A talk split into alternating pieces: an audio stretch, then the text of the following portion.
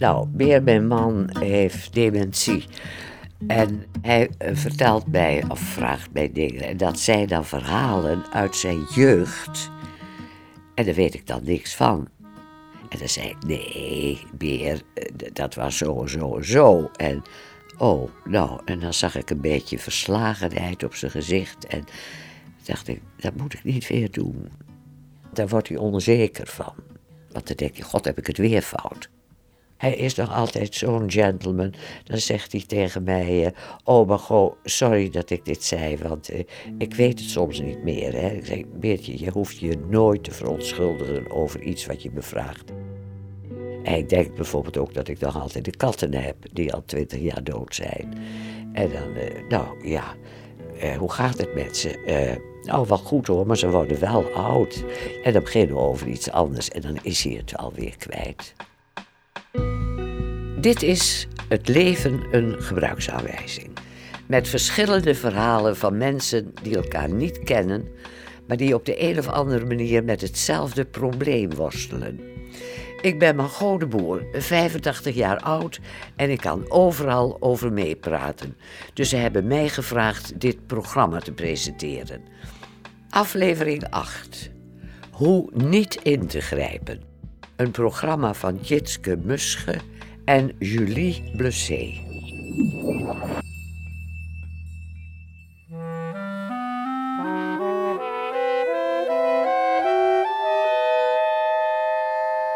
Soms is het wel frustrerend. Dat bepaalde mensen die zien dan, oké, nou ja, dat is dan uh, een blanke nette vrouw. En uh, nou, daar kan ik een grote bek tegen, want die durft toch niks terug te doen. En dan wil ik bijna zeggen, weet je wel wie ik ben? Nee, google maar even. Here is the women's MMA pioneer and defending Strikeforce Women's World Bantamweight Champion from Amsterdam, Marloes Koenen. Dit is Marloes Koenen, drievoudig wereldkampioen Mixed Martial Arts. Een vechtsport waarbij binnen de kooi bijna alles mag. Van stoten en trappen tot werpen en wurgen. Van buiten kun je niet aan haar zien hoe sterk ze is. Ja, ik heb dat wel vaak met dat soort dingen. Dat je bijvoorbeeld de, de, tram uitstapt of de trein. En dat mensen dan weer zo onbeschoft zijn dat ze eerst naar binnen willen en niet wachten tot ze naar buiten gaan. Ja, dat zijn wel momenten dat ik denk, als jij toch eens zou weten. En daar moet ik het ook bij laten en dan gewoon weer lekker van me af laten glijden en doorlopen. Of dat mensen op straat een grote mond hebben. Ja, soms moet je jezelf echt wel even bedwingen tot tien tellen. Opa en daarvoor ook, en mijn vader ook, was slager. En ik hielp als jochie van 11 jaar ook in de slagerij. Op een gegeven moment zei ik tegen mijn moeder: Nou, ik ben zover. Ik heb gekozen om slager te worden. Maar het ging goed met mij op de HBS. En mijn moeder zei, ik denk dat dat geen goede keus voor je is. En die zei, wil jij maar dokter? Nou, dan word ik maar dokter. Als je eenmaal zover bent en je raakt behept door dat vak, dan wordt dat een deel van je leven en misschien wel je leven zelf. En zeker niet zomaar een beroep. Dingeman Swank is chirurg. Jarenlang hielp hij patiënten met onverklaarbare buikklachten van hun pijn af met een operatie die hij als enige in Nederland uitvoerde. Patiënten dus voor wie niemand iets kon doen behalve hij. De, de kreet was er meestal binnenkomen, zeggen ja, u bent mijn laatste hoop, dokter. We weten alleen, die mensen zijn allemaal een keer geopereerd in hun buik. En iemand die een keer in zijn buik is geopereerd, die maakt verklevingen. Dus dan plakken organen meestal darmen aan elkaar of aan de buikvlies. En dan zit er dus iets vast en kan niet goed bewegen. En we dachten toen dat dat buikpijn kon verklaren. De simpele vervolgstap is dan, als je dat dan losmaakt, dan, dan moet die pijn dus over zijn. Bij mixed martial arts wordt de pijngrens bewust opgezocht. Marloes Koenen bijvoorbeeld is befaamd om haar armklem. Nou, je hebt heel veel verschillende soorten armklemmen, maar uiteindelijk uh, draai je zo bij dat je die arm tussen je benen hebt. En dan overstrek je met je heupen achter het ellebooggewricht. Dan gooi je heup omhoog, overstrek je dat gewricht. Nou, als je dat heel hard doet, dan breek, hoe eh, je, alles uh, scheuren, kraken en noem maar op. We hebben 300 patiënten gedaan en dat ging goed, tot volle tevredenheid van patiënten, waarbij ongeveer twee derde pijnvrij werd of minder pijn kregen. Dat zijn eigenlijk stuk voor stuk heel blije mensen die uh, eigenlijk geen pijn meer hebben en die zijn gewoon intens gelukkig. Dan weet je waarom je dokter geworden bent. Op het moment dat je iemand dus zeg maar in zo'n armklem hebt, dan is het, uh, jij beslist de wedstrijd. En uh, dat is een heel machtig gevoel. En zeker toen ik jonger was, toen ben ik ook echt wat armen gebroken in wedstrijden bij mensen hoor. Dan fakte ik dat ik dat heel erg vond. En zo, oh man, dus dat interesseerde me niks. Ik was van plan om een mini-revolutie te ontketenen in medisch gebied.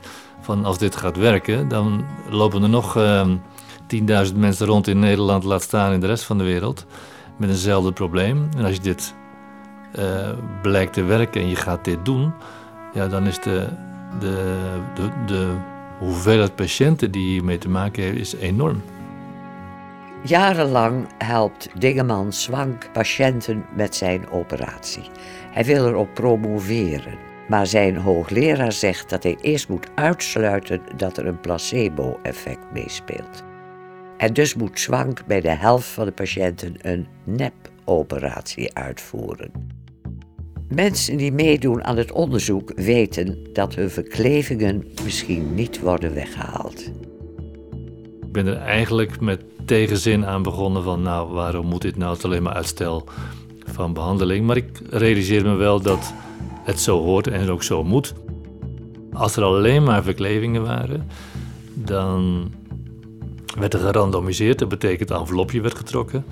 En bij de helft van de kaartjes stond uh, wel doen en gingen we aan de slag. En bij de andere helft van de gele kaartjes stond niks doen. En dan ja, moesten we eventjes koffie gaan drinken om de tijd van de operatie vol te maken. Anders zou de patiënt weten dat hij heel kort geopereerd was en wist hij de uitslag. Dus dat, dat kon niet. En dan deden we dus feitelijk 20 minuten niks. En uh, ja, dat was wel heel, heel moeilijk voor mij om iets wat je zelf denkt dat goed helpt. En dan toch niks mag doen. Dat is echt handen op je rug binden en goed vastbinden, anders maak ik ze weer los. Ik heb soms wel het idee dat, uh, dat ik mijn handen op, op mijn rug moet vastbinden. Ik kan me nog een keer herinneren, ik, lag, ik zat in de, in de trein. En uh, toen was een jongen heel onbeschoft tegen de conducteur. En hij zat achter me. En toen was ik wel even aan het luisteren. Ik denk, hij moet die conducteur één ding aandoen, dan heeft hij echt een probleem. En die conducteur bleef heel netjes, maar die jongen die werd steeds agressiever en agressiever en agressiever. Je voelt gewoon, het is één weg, die maar een doodlopende straat, zeg maar. Dus ik, ik werd al wel scherp. Ik had me mijn kantje natuurlijk weggelegd. Aan de ene kant dacht ik van ja, moet ik nou in gaan grijpen? Want ik, ik heb wel een bepaalde verantwoordelijkheid, ook als je iets kan, vind ik. En, maar ehm, aan de andere kant, ja, misschien drijf ik het ook wel op de spits. Want zo'n jongen, die, die kan ook agressief worden en zijn agressie op mij richten. En denken, oh, daar staat een vrouw en die kan ik wel even fysiek domineren. En ja, dat gaat natuurlijk niet lukken. En dan in the heat of the moment, dan weet ik gewoon dat mijn instincten en, en wat ik jarenlang getraind heb, mijn reflexen, dat die inkikken. En, en dan weet ik niet, oprecht niet wat er gebeurt. Dus dat is ook wel iets dat ik denk van ja, dat, dat moet ik gewoon zoveel mogelijk ontwijken. Want stel je voor dat ik te hard ingrijp. Dus dat zijn allemaal dingen waar je rekening mee moet houden. Op een dag wordt Dingeman Zwank gebeld door de statisticus die de onderzoeksresultaten heeft geanalyseerd. Ik rijd daar weg uit de eh, Erasmus MC. En toen belde hij hem dus op. Ik reed toen op de Westzeedijk, dat is daar vlak voor. En die, hij zei, ja, ja, je hebt de mooiste uitkomst die je kan voorstellen. Zei de statisticus. Ik zei, nou, dat is fijn, want dan ga ik nog eh, een miljoen mensen helpen. Nou, zegt ik, zou ik niet doen. Want het doet niet meer dan de controlegroep. Hij heeft langs de kant van de weg gezet van wat zegt hij nou eigenlijk? En uh, hij zegt dus feitelijk, je doet niet meer met je behandeling dan je resultaten zijn niet beter als je behandelt, losmaakt, verklevingen losmaakt, dan de groep waarbij je niks gedaan hebt en alleen maar een buis erin gestopt hebt en gekeken hebt. En een half uur koffie gedronken hebt. Met de ontdekking dat de buikoperaties niets meer doen dan een placebo, zou Swank zijn naam vestigen in de wetenschap.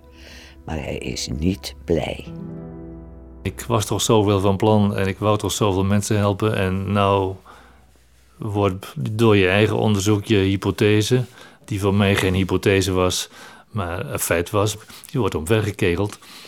En feitelijk zeg je van je mag niks meer doen dan in een buik gaan kijken met een kijkbuis. Maar als er verklevingen zijn, mag je eigenlijk niks doen. Ik denk dat dat niets doen uh, vertrouwen in jezelf is en, en, en uh, erkennen dat je beter weet.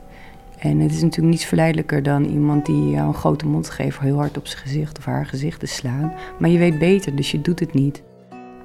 De vechtsport, ja, het, het zorgt er eigenlijk voor dat uiteindelijk dat die cirkel weer rond is. Ze beginnen vaak met de witte band, dan krijg je een zwart en uiteindelijk wordt hij weer wit. Eerst durf je niks, dan durf je heel veel. En daarna ga je weer terug naar het begin, dan doe je niks. Wat ik wel eens denk, had ik het onderzoek maar nooit gedaan. Dan had ik met al die patiënten gewoon door kunnen gaan, namelijk. Uh, ja. Ik voer ze ook niet meer uit. Tenzij ik één strengetje vind waarvan ik zeg, ja, ik geef één knipje, daar doe ik helemaal niks fout mee. Dan kan ik mij toch niet beheersen. En ze krijgen dan die ene knip. Maar anderhalf uur onkruid wieden van een, een, een duizend verklevingen, dat doen we niet meer omdat je dan je complicaties kans te groot maakt versus geen aangetoond voordeel. En dan doe ik niks. Moeilijk.